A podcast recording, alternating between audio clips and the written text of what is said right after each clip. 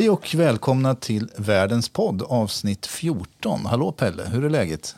Jo då, det är rätt bra tycker jag. Mm. Jag säger alltid rätt, jag garderar mig alltid när det handlar om hur det är. Det är Ja. irriterande för många. Du, vad har hänt sen senast?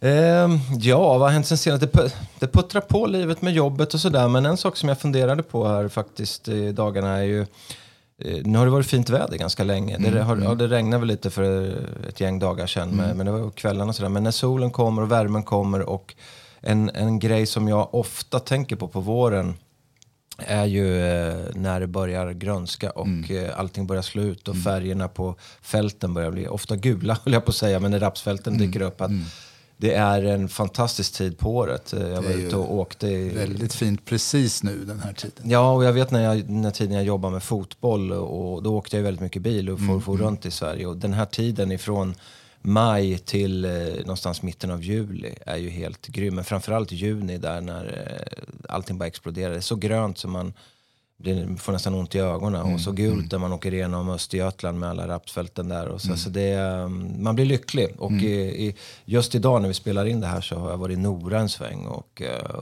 åkt den vägen och insåg hur, hur fint det är. Så, att, um, så det är bra. Så Ja. positivt, du ser, det, det har varit positivt. Ja, det är härligt. Nej, men jag har också varit ute och åkt en del faktiskt. Eh, Jag vet inte om jag nämnde det förra avsnittet, men jag har köpt ny båge. Faktiskt köpt tyskt den här gången. Det brukar ju mest vara engelskt och italienskt på mig annars. Men en, en tysk motorcykel har jag köpt. Och, eh, så jag har varit ute och provat den lite nu. Det är ju verkligen den perfekta tiden på året nu för att åka motorcykel. Så det är ju härligt. Ja, du ser, vi är båda naturupplevelser. Ja. Vilka människor vi blev plötsligt, så Ja. fina. Ja. Du, vi drar igång. Jag tänkte inleda idag med att prata om eh, den här spanska konstformen flamenco. Som ju, ja... Eh, jag tycker den är lite fascinerande. Eh, det är ju egentligen tre konstformer. Det är både dans och sång och gitarr som liksom är en specialitet var för sig. Jag kom i kontakt med det här första gången när jag jobbade i Andalusien. Det är ganska länge sedan det här. Det är ju kring 90 som jag jobbade där i två och ett halvt år. Och jag har liksom kunnat få följa flamencon lite grann sen från, från liksom att eh, det, den har utvecklats från att vara en, liksom en ren konstform till att idag faktiskt ha, ingå i, i den spanska populärmusiken. Och den har ju liksom gått från då att vara eh, klassisk till att idag finns det mycket som, som kallas för flamenco pop och sånt här. Men jag ska återkomma lite till det. Den utvecklades ju egentligen under senmedeltiden just i Andalusien i, i, södra, i, i, södra Spanien. Och eh, vad väl kanske många inte vet om det är att den har ju faktiskt främst utvecklats av romer som ju då, de invandrade ju då till just Andalusien under senmedeltiden. Och det, Andalusien eh, var ju moriskt på den tiden. Jag tänkte säga det, visst är det väl, den är väldigt stark där. Ja, den, den var ju väldigt stark där då. Och- så att man plockade ju upp den här den musiken och det var liksom ett smältdegel av olika kulturer där. Och eh, så, så, så romerna plockade ju upp den här eh, musiken och gjorde den till sin kan man säga. Och sen har ju den utvecklats då under, under många eh, århundraden. Och eh, idag så är ju många av de största flamencoartisterna, de är ju just eh, spanska romer. Mm-hmm. Och det, kulturen den lever väldigt starkt fortfarande i Spanien och alldeles särskilt då i Andalusien. Och många av de mest kända flamencoartisterna de, de är ju... Den, den kanske allra mest kända av klassisk flamenco det är en man som hette, för han lever ju då inte längre, Cameron de la Isla. Mycket speciell. Och jag tänkte faktiskt att vi skulle lyssna på någonting lite grann utav honom. Och det här är ju alltså då klassisk flamenco. Eh, för sen så ska vi lyssna på lite annat också. Så det blir en liten kortis här då med honom. Ska vi se.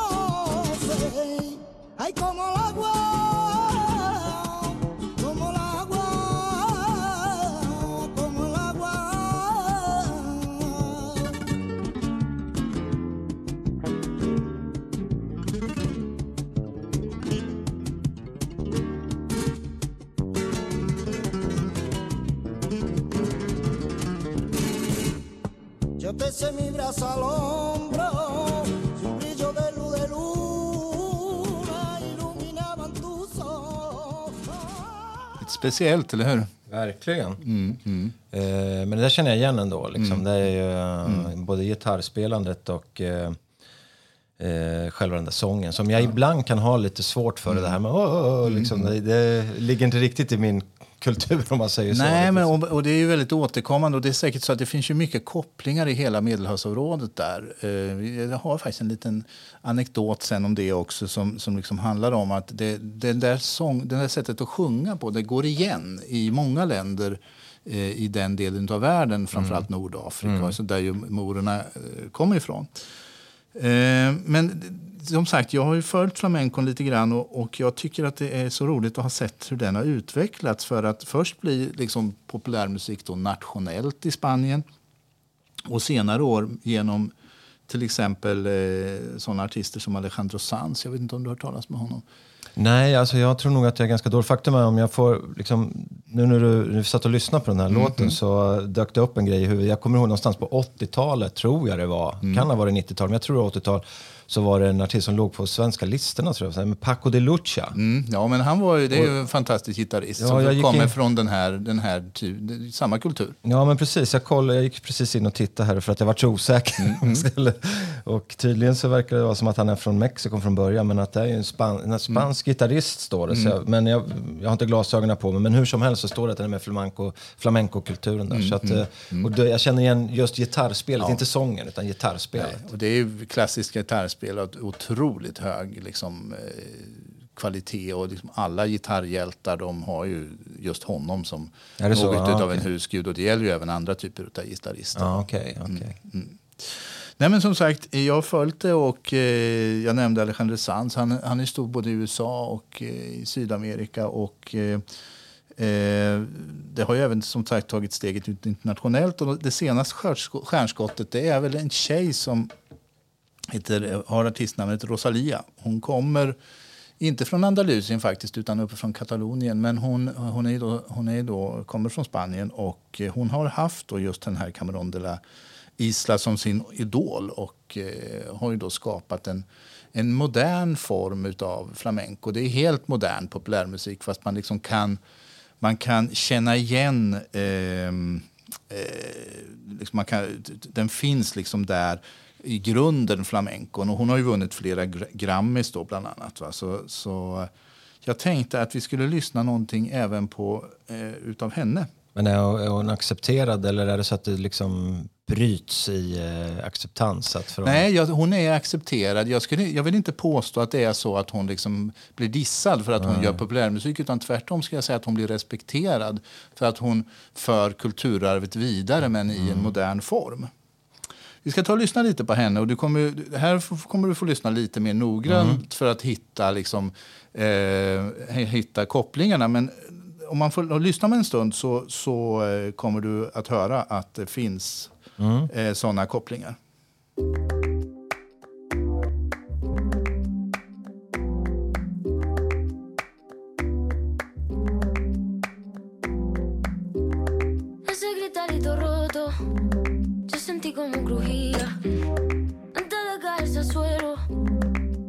Que se rompía. Uh, está parpadeando la luz del descansillo. Una voz de la escalera, alguien cruzando el pasillo.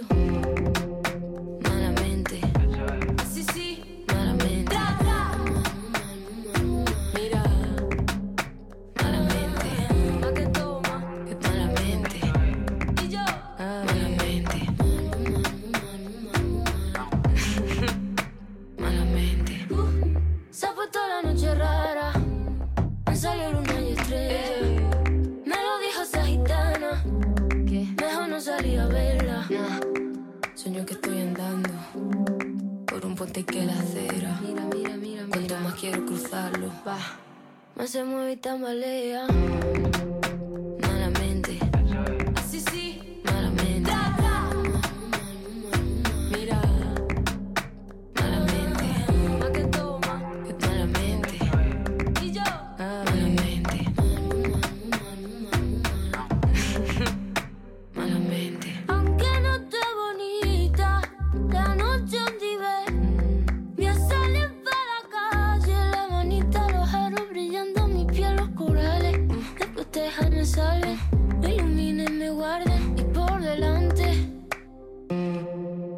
Perder ni un minuto en volver a pensarte. Malamente. Así sí, malamente. Kunde du höra kopplingarna? Ja, det där på slutet sången och sen så även eh, naturligtvis klappet där Mm, hela mm, tiden som mm. går ligger som ett bit i bakgrunden hela tiden. Så det, det, finns, även- det där gillar jag, det tyckte jag var jättebra. Ja. Det var, jag gillar ju för mycket folkmusik jag gör. det här är ju liksom, Det här är som en modern tappning utav folk, Ja. folkmusik. Det ju så. precis. Så den där gillar jag, det, var skön stämning i den faktiskt. Jag gillar rösten också dessutom. Så. Ja, jätteduktig. Så att ju- nej, men jag tänkte just på det där med att bli accepterad. För att, eh, jag tänkte på det här med countrymusik som jag lyssnar en del på också. Då, som, där en, den här populär countrymusik, jag tror att det är Nashville Sound, det tror jag. Men jag kanske får väl stryk av folk som kan musik bättre än mig. Men som får mycket stryk. Så det, det är liksom som vilken popmusik som helst i mina öron. Så här. Jag förstår inte hur det, för de får ofta mycket priser på på sådana här galor med, med country. Så att, och, men jag har fått för mig att där är det slitningar, vilket som är liksom det Riktiga. riktiga, och inte. Men, eh, men så är det inte här. Men det, det förstår jag i och för sig mer, att man för de här traditionerna vidare.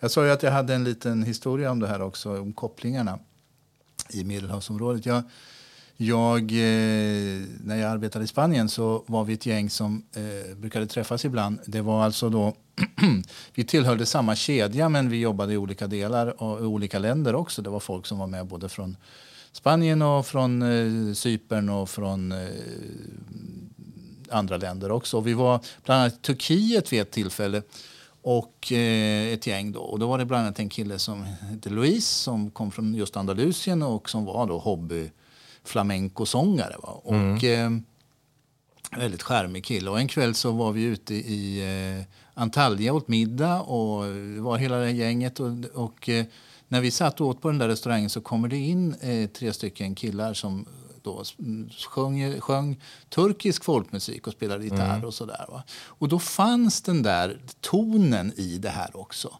Och det, det häftigaste av allt det var att han liksom ställer sig upp, Louise, den här spanjoren, och liksom stämmer in med dem. Så han kunde, trots att han inte förstod orden, så kunde han liksom hänga med i, i, i sången, fast det blev ju då liksom eh, humbug eh, eh, ord va. Men, men det blev en väldigt, de satte sig med oss och körde flera låtar och han hängde på. Liksom. Så att där, där, trots att det är långt mellan Spanien och Turkiet så, så fanns kopplingen även där. Fast det är ju, där är det ju, alltså när det handlar om romer och om det nu var liksom kopplingar till det där. Romerna finns över hela, Ja. överallt. Jag vet ju inte om det fanns kopplingar till det, men jag tror att liksom musik, alltså tonen i musiken går igen tror jag i hela det här området, Nordafrika, Medelhavsområdet och sådär. Mm, nej men så kan det nog vara. Men det är lite just det här med, med flamenco och eh, den romska traditionen. Det är ju, jag har en kollega som är rom nu, men därför så har, har, har man liksom hamnat i den eh, vad ska jag säga, frekvensen en del. Vi har pratat väldigt mycket om det. Jag var ju uppe på, i Stockholm och lyssnade på eh, den romska radion där fyllde var det 20 år tror jag. Och då var det musik hela kvällen. Utav, I fl- flera olika utav deras tradition. Då var det bland annat en som var mer modern. Och så var det en som var mer eh, resande folket, som var mer visor. Och sen så var det en tjej som eh, tydligen en stark profil i Göteborg. Som eh, just sjöng. Hon hade flamenco, dansade och sjöng just med flamenco. Ja. Så, det var, så den kopplingen blir liksom ganska tydlig med det du, det första delen du spelade, den första låten som är mer den traditionella då. Liksom. så det var kul att faktiskt att, att få den inblicken i hur, hur bred deras musik är också i, i deras traditioner. Musik är häftigt. Ja.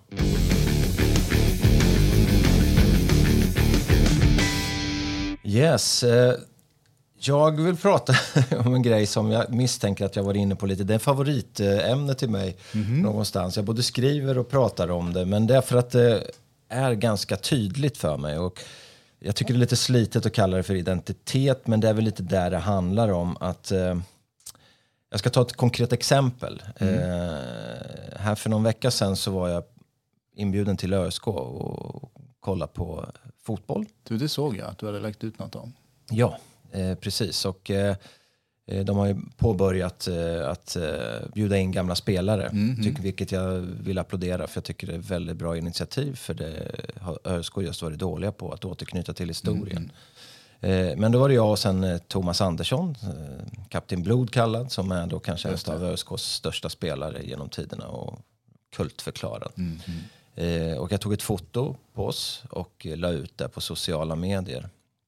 Och eh, det är ju, det fick rejäl fart kan man säga, utav, om man jämför med det jag brukar lägga ut på senare tid. Och, eh, det där fick mig fundera lite, för det var både på Facebook och Instagram och framförallt på Instagram så drog det iväg som tusan. Och det är ju så min bakgrund som fotbollsspelare och eh, har jobbat inom media med fotboll under en väldigt, ja, 14-15 år eller vad det var för någonting sånt där. Så jag är ju väldigt tydligt förknippad med fotboll, självklart. Inga konstigheter. Nej. Eh, och på många sätt är jag väldigt glad för det också, självklart. Man är stolt över att faktiskt folk eh, uppskattar det man har gjort, att man faktiskt har en position och, eh, inom, den, inom den världen. Ehm, så att det vill jag gärna betona så att inte det här inlägget blir ett bittert inlägg. Nej. Eller, eller ett, att man på något sätt, eh, ja, ni förstår. Men grejen är samtidigt är att jag har ju under senare år vridit min, eh, mitt, eh, vad jag håller på med. Mm. Ja, du har ju eh, gått vidare, en ny karriär och så vidare. Ja, jag försöker åtminstone, Mm. kan man väl säga. Jag jobbar ju som journalist fortfarande, men, men sen är det ju även andra frågor som jag, vi har varit inne på lite här i den här podden med samhällsfrågor, demokratifrågor och, och eh, mycket sådana funderingar. Lite, tyngre frågor helt enkelt. Och det generellt är svårt att få genomslag med överhuvudtaget i och för sig. Men jag tänker just på det här med hur svårt det är att byta, om jag nu får uttrycka mig så, identitet. För det är lite där jag har gjort. Jag har gått igenom en jäkla resa liksom. Just att eh, vara den här fotbollskillen till att faktiskt vilja gå vidare som du säger och göra andra saker. Och eh, jag vet ju att folk uppmärksammar det, att de ser det. Men just i sådana här speciella tillfällen så blir det så tydligt att jag kämpar med det här nya, att ta sig in. Eh, man, man liksom försöker få uppmärksamhet kring det. Eh, och ja, det puttrar på. Folk är lite sådär, ja, de tycker väl att det är lite halvkul och sådär. Men man får ingen riktig jäkla skjuts i det. Nej.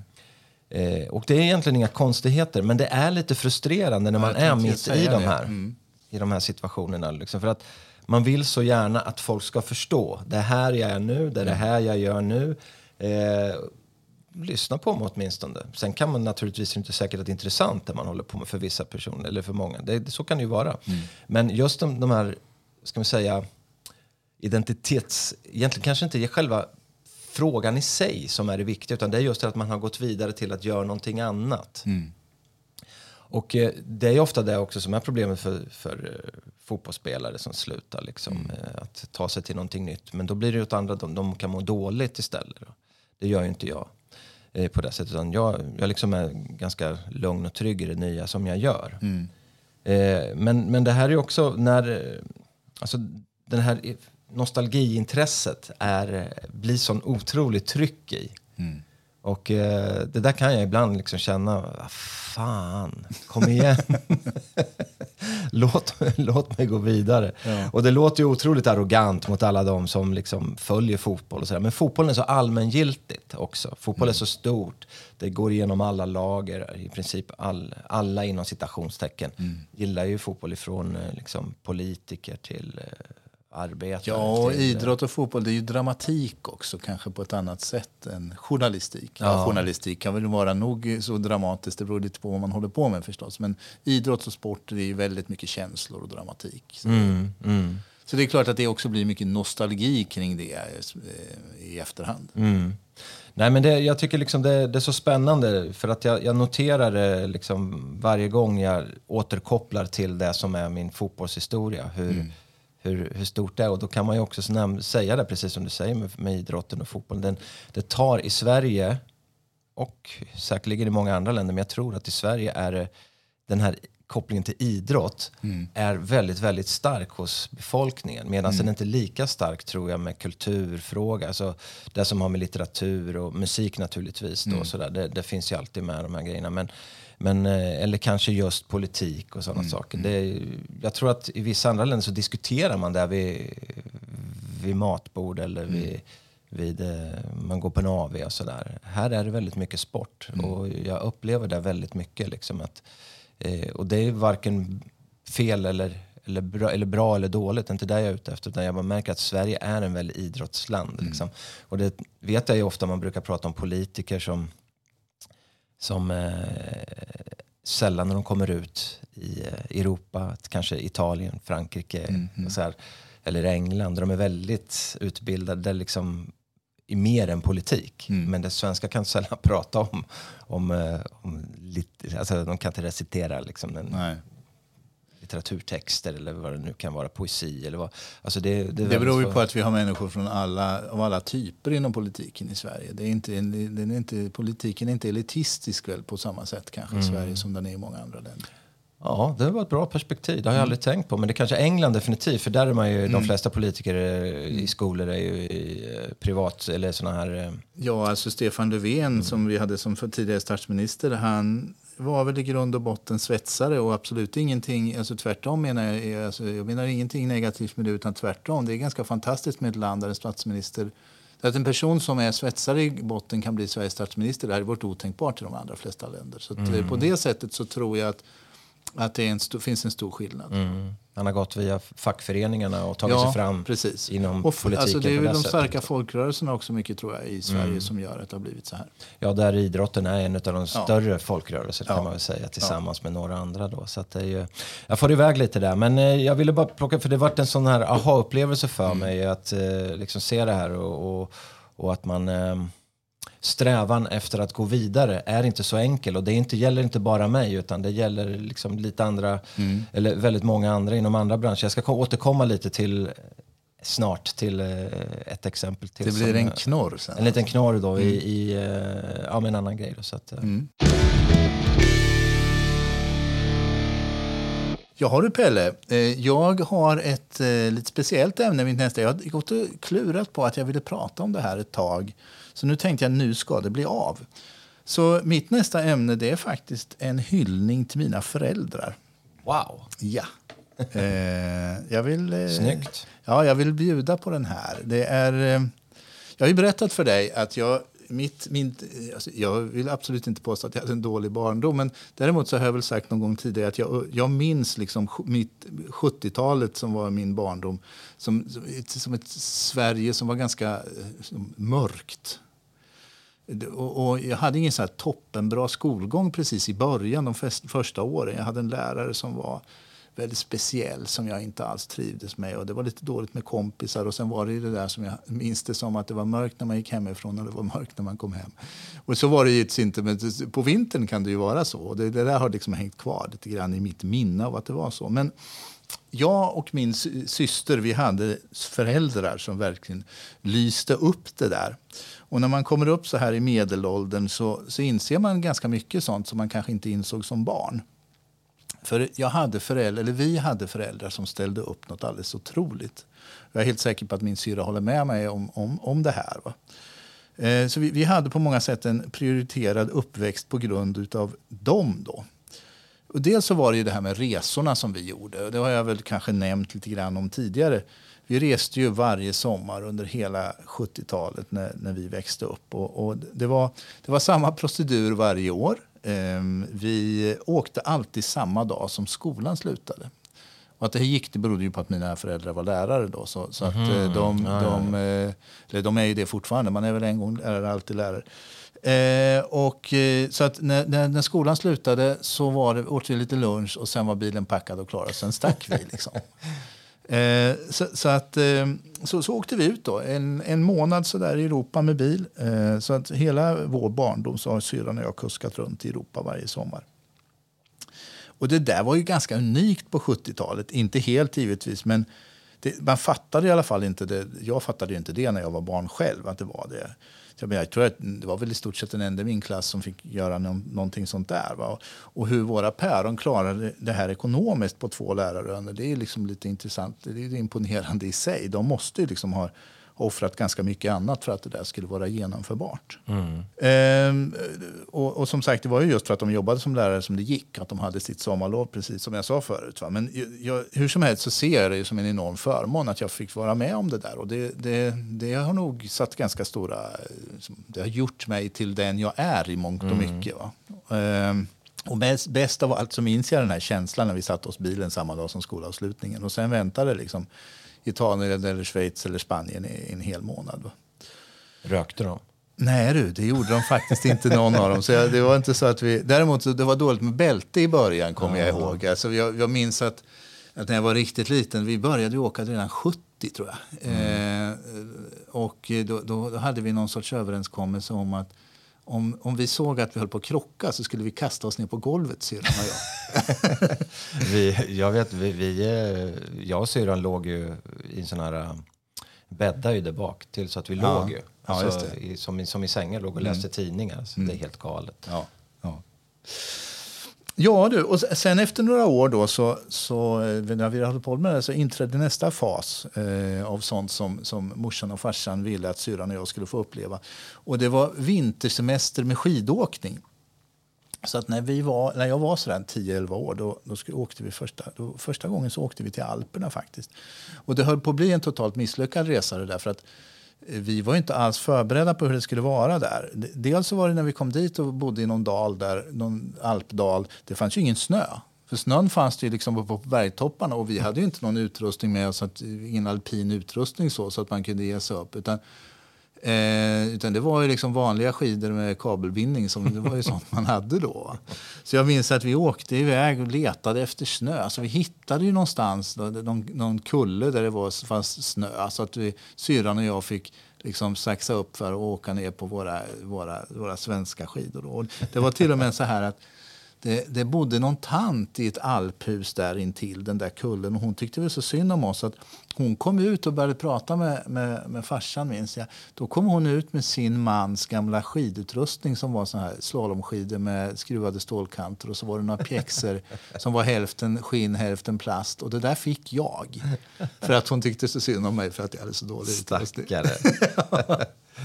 Men det där satte sig nog i föräldrarna. Så att de, de tog beslut om att det här skulle vi nog ändra på. Så att efter det så åkte vi vartenda år. Vi åkte inte till Alperna utan vi åkte till svenska fjällen. Så de hyrde stuga varje vinter.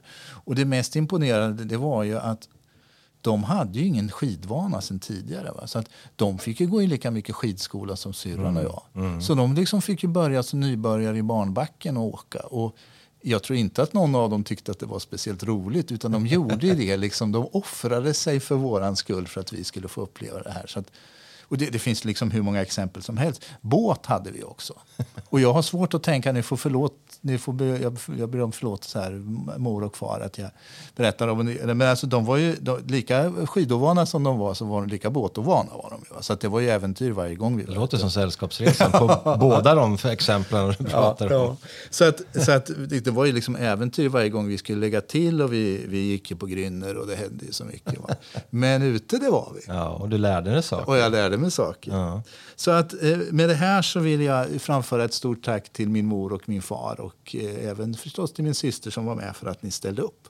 Var ni med på några konstigheter? Alltså var det några roliga stories? Jag tänker på, ja, vi var ju ute en del också med, med vår familj till Europa. Inte så långt ner som Italien. Vi åkte oftast till, eh, ja, Holland var väl det längsta tror jag, ner, i, ner och sådär. Men jag vet hur vi någon gång kom sist in, eller kom sent in på en eh, campingplats och skulle ta upp tältet. Du vet med sådana ställningar.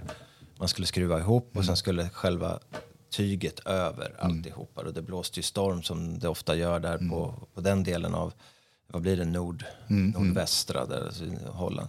Och hela tältet flög iväg vet du. och vi fick springa och jaga det där och hela jävla campingplatsen bara skrattade. Vet du. Man, och en annan var ju precis i den åldern då allt var skämmigt. Ja, ja, ja. ja. Jag skämdes som en hund där man liksom gick omkring där och skällde på föräldrarna. Ja. Fan vad ni håller på med. Alltså. Jag vet, det hände en grej, som, det är en sån grej som man minns. När vi, vi var, åkte en del i öst också när det fortfarande liksom var bakom järnridån. Och så minns inte jag om det var gränsen till Östtyskland eller ja, antagligen var det det. Om vi skulle in eller om vi skulle ut, det kommer jag inte heller ihåg. Men jag vet att farsan skulle göra sig lite, han skulle, skulle göra sig lite lustig där med gränsvakterna. Och det ska man inte göra med östtyska gränsvakter visade det sig. Va? ja, det de. Ja, de, han, han, fråga, han, han pratade rätt bra tyska också. Så att han, han frågade dem vad de letade efter när de, när de stannade oss. Mm. Så då sa de att de letade efter knark. Och då sa han, skulle han skoja och säga ja vi har hela bilen full, säger han. Med påföljd att vi fick liksom ur bilen allihopa. De tömde bilen fullständigt på grejer som liksom låg överallt. Och sen liksom började de leta igenom hela bilen. Om de gick med speglar under och alla sådana. Två timmar eller någonting sånt. Så man ska inte skoja med, med östtyska gränsvakter. Det är väl det som är kontentan av det hela. De kanske inte förstod ironi heller. Ja, det kan vara så att de var lite dåliga på att förstå ironi. Låt mig komma tillbaka till eh, lite grann till det jag pratade om tidigare. Mm. Inte rakt av, men lite grann apropå att ha en identitet. eh, jag, eh, i, i helgen, den helgen som var innan vi spelade mm. in det här så var jag hemma själv. Eh, och, eh, ja, du var lite krasslig va? Ja, lite sliten började mm. jag bli. Mm. Eh, I alla fall i slutet av helgen och, och i början av, av, veckan. Och sen så dessutom har min eh, sambo varit borta. Så mm. att, eh, då kollar man på vad man vill på mm, tv. Mm, då behöver mm. man inte kompromissa. Nej. Så då har jag suttit på SVT Play och kollat dokumentärer som jag ofta, ofta gör. Och, eh, sen sprang jag in i... Eh, det blir ju ofta musik. Mm. Så jag sprang in i, eh, i en... Jag tror den var rätt ny som var inlagd där. Med, det handlade om ett norskt... Det, det står Backstreet Girls. Mm. Norges farligaste rockers. Jag skulle vilja sätta den farligaste inom citationstecken för ja. att jag vet inte om jag tycker att de var speciellt farliga. Men eh, jag har aldrig hört talas om dem. Jag har bott i Norge eh, och eh, gillar dessutom rock'n'roll till mm, viss del. Så att, eh, jag tänkte att eh, det kan väl inte vara. Men då, för jag, de var rätt bra faktiskt. Jag tycker det, det var de. Men det är inte mm. det som är poängen. Utan grejen är den att de här, om, i alla fall sångaren, var och som jag uppfattade i, i det här programmet att han var runt 60 år. Jag tror att han mm. var 60 kanske strax mm. över det. Eller om han, nej, han fyllde nog 60 precis. Mm. När, det var där de firade honom. där. Och eh, lång, smal, såg ut som, eh, heter det, The Ramones.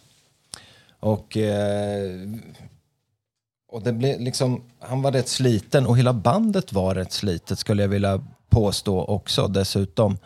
Um, det var väldigt, jag skulle säga, alltså, det handlade om, själva programmet handlade om eh, hur de tog sig igenom pandemin kan man mm, säga. Mm. Det här är ett band som då har spelat sedan 1984. Eh, de åker runt jämt och spelar tydligen. Mm, eh, mm. och där, min fördom är att ganska små ställen, ja. men kanske halvstora emellanåt också. Men hur, hur den här pandemin som för så många andra tog tvärstopp. Men för det, det här bandet det var verkligen, de levde rock'n'roll rakt igenom. Ja. Alltså det var, de bodde i små lägenheter som såg ut som studentlägenheter eller, eller ungkarlslägenheter med kanske ett, två rum och kök. Mm. Väldigt skitigt. Det var mycket cigaretter, det var alkohol överallt och sen så filmer och musik och, och, och, och, gitarrer och andra grejer överallt. Eh, och de levde verkligen den här rockmyten. Mm. Och, jag, när jag satt där och tänkte på liksom Alltså, vad, vad, händer, vad händer med sådana här? Liksom? Jag tycker å ena sidan tycker jag det är så otroligt fascinerande. De lever verkligen det här livet mm, mm. rätt igenom. Och, och det fanns liksom ingenting annat. Och de, de gick verkligen omkring, hela deras vokabulär var ungefär som att de var Rolling Stones eller, eller Metallica eller någonting. Mm. det coolaste som finns. Liksom. Det låter lite som Motörhead nästan. Ja, men ja, precis. Det, där var så. det ju verkligen så att det var liksom rock'n'roll-livet som var eh, grejen och kanske det kommersiella var sekundärt. Ja, Lemmy var ju liksom, ja. det var ju, precis, jag, jag, vet, jag har ju sett en dokumentär även om mm, honom liksom, och mm. det, man får samma känsla. Mm. Det är bara att Lemmys var väl lite mer, kändes lite mer lyxigt. Ja, ja. Glamoröst, ja kanske, men, men du förstår vad jag menar. Det här var verkligen liksom, eh, det här var som unga som kommer ut och spelar från början. Men de här, Mm. Fast de var 60 år. Fast de var 60. Men det är mycket möjligt att, eh, alltså, att de här är stora i Norge, så jag ska inte ta ner dem för det. För jag, så, återigen, jag tycker att de var ganska bra. Men det är just den här, alltså, vad händer om tio år när de sitter där?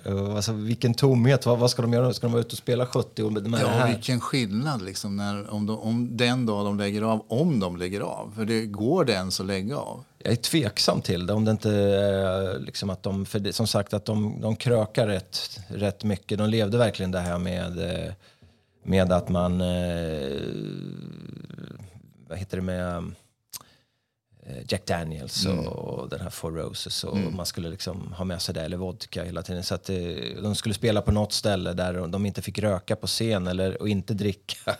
Och de rebellade och, Ja, ja, ja. eh, det var, och det var mitt under pandemin så att det fanns en liten lucka där. Så det var, det var ju som precis som i Sverige, man fick sitta ner vid bord och sådär. Så skulle de köra stenhårt. Så.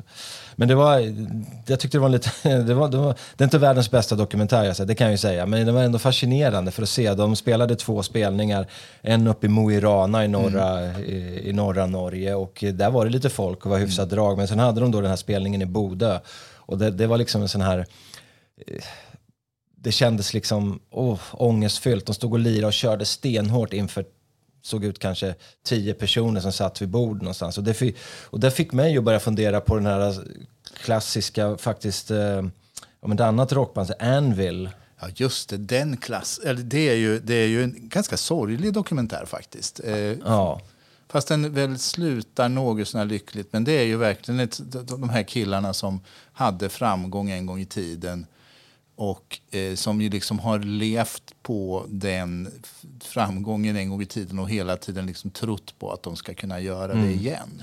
Och hela deras familj just har fått ställa upp för både här under decennier. det är så länge sedan jag såg den, men det, precis det, det är den här bilden, sorgsenheten som var i det hela. Och hur den här, återigen, det är ungefär samma som de här killarna som jag pratade om, norrmännen. Att den här viljan att hänga kvar och att inte, att inte gå vidare. Då. Men jag tänker att jag då, som jag pratade om Ja, tidigare, det din ville gå vidare. det är din koppling Ja, till identiteten. Här. Precis, så här vill man inte gå vidare. Utan här är det liksom, det, det är musiker eller ingenting annat. Och det spelar ingen roll om jag inte har några framgångar. Jag tänker kämpa ända in i döden. Och just den här med en vill jag, jag har den här det är det som är kopplingen också till de här norrmännen där de har någon konsert, jag tror att det är i Tjeckien eller någon slovak eller i någon källarlokal, någon liten bar där det liksom står t- fyra, fem stycken och headbangar och de kör så in i helsike och jag skulle inte få om de blir lurade på gaget och sånt där också om jag har för mig det där. Men, men jag har också någon bild av att i slutet, som du säger att det var lite lyckligt att de åkte till Japan och spelade och plötsligt gick de ut och då var det fullt. Ja, de, ja, det var fullt. Just det. För de, utan att de visste om det själva så var de liksom big in Japan. Ja, men precis. Men japaner då, eh,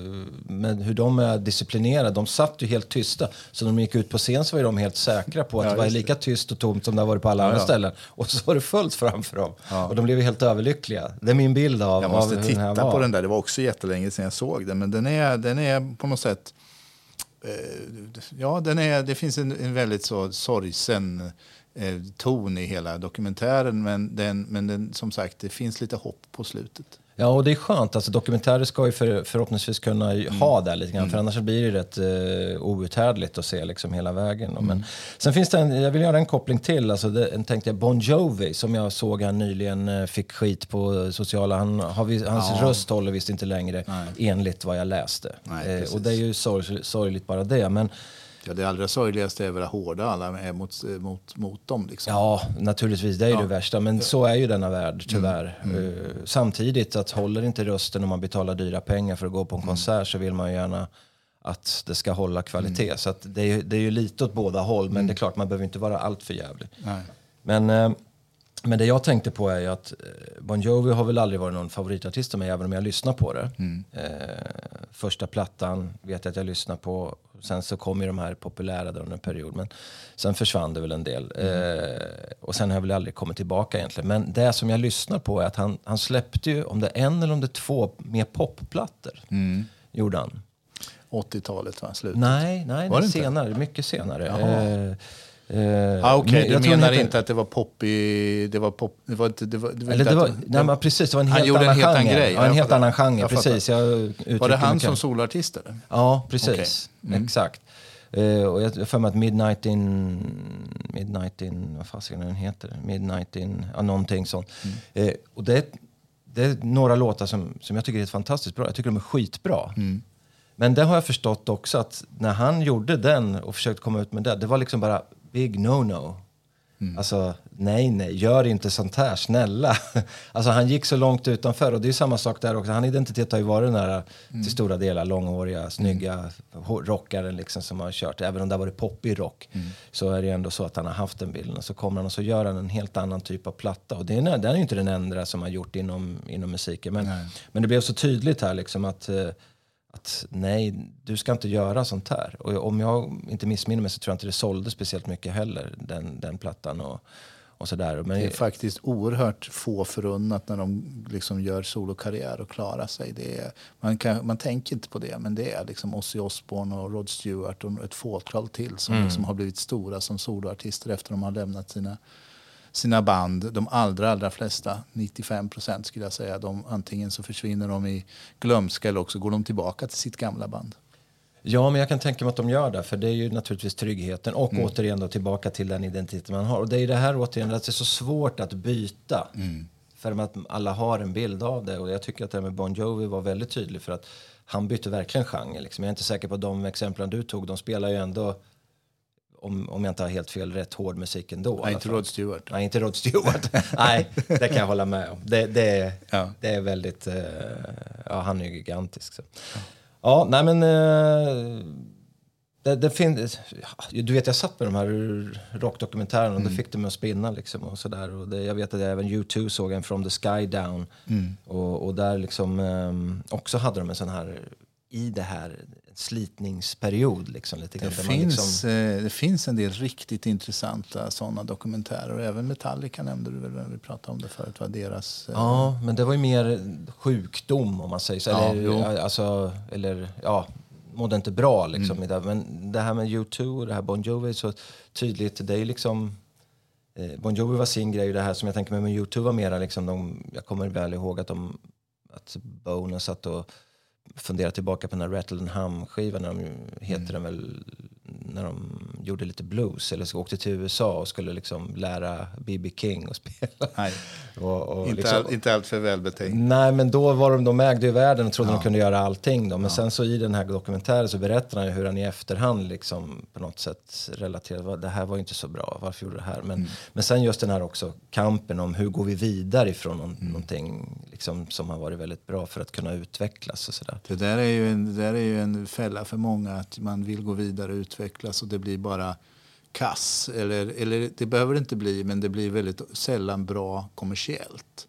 Det finns ju de eh, som lyckas förnyas och förnyas och förnyas och det blir bra eh, kommersiellt. Eh, även eh, mästaren på det var väl David Bowie. men men verkligen. de allra flesta gångerna så, så, så vill ju publiken ha det gamla klassiska, att det ska låta som alltid. Ja, det är då det blir de här sista låtarna när det kommer, Mm. eh, nostalgin kommer. Det är då alla ställer sig upp och skriker. Och jag kan tänka mig som Ulf Lundell öppnar, öppnar landskap. Jag vill inte spela de här, aldrig mer. Nej. Så gör han det där någon gång. Ja, han blir gör tvungen. Ja, men och då gör han det i en version som ingen jäkel hör att det Mm. är det överhuvudtaget. Så, så konk- eh, slutsatsen är att eh, det är svårt att byta position och byta identitet vad, i, egentligen i vilket läge det än Mm. är. Och, och det kan jag tycka är lite synd. Snyggt ihop sitt, Pelle. Ja, tack så mycket. I en annan förvirrad utläggning. Nej då. Ja, då tackar vi för idag. Vi närmar oss slutet här. Eh, vi ska väl påminna om eh, vår mejladress. vardenspodd.gmail.com. Eh, hör gärna av er med tips och inspel. Eh, vi är intresserade både av tips på ämnen men även tips på gäster. Gäster ska vi ha igen. Eh, Vi har en på gång, men vi släpper väl inte det än. Utan det blir förmodligen, eller förhoppningsvis, nästa eller nästnästa gång. Mm, jag hoppas till nästa. Så att, eh, ska jag ut och rycka tag i den personen. Mm. Vi får väl göra lite reklam inför det avsnittet sen. En liten teaser som vi brukar Teaser, göra. ja. Vilken teaser från Örebro. Tack så mycket allihopa. Ha det så bra.